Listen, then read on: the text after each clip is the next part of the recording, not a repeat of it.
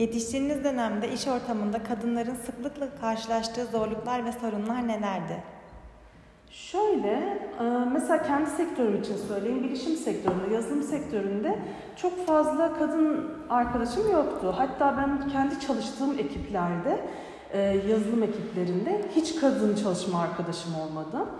E, şimdi yavaş yavaş bu sayı artmaya başlıyor. Bunun için mutluyum. Ne gibi zorluklar yaşadık? Aslında açıkçası ben kendim bireysel olarak çok negatif bir tepkiyle karşılaşmadım. Hatta bazen pozitif e, ayrımcılık yaşadığımda oldu açıkçası. E, ama şunlara tanık oldum. Hani e, sen kadınsın, bu işten ne anlarsın gibi tepkileri başka arkadaşlarım üzerinden çok duydum.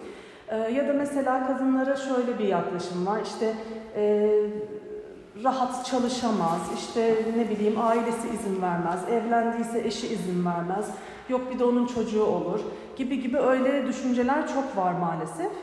Onları tanık oldum sadece.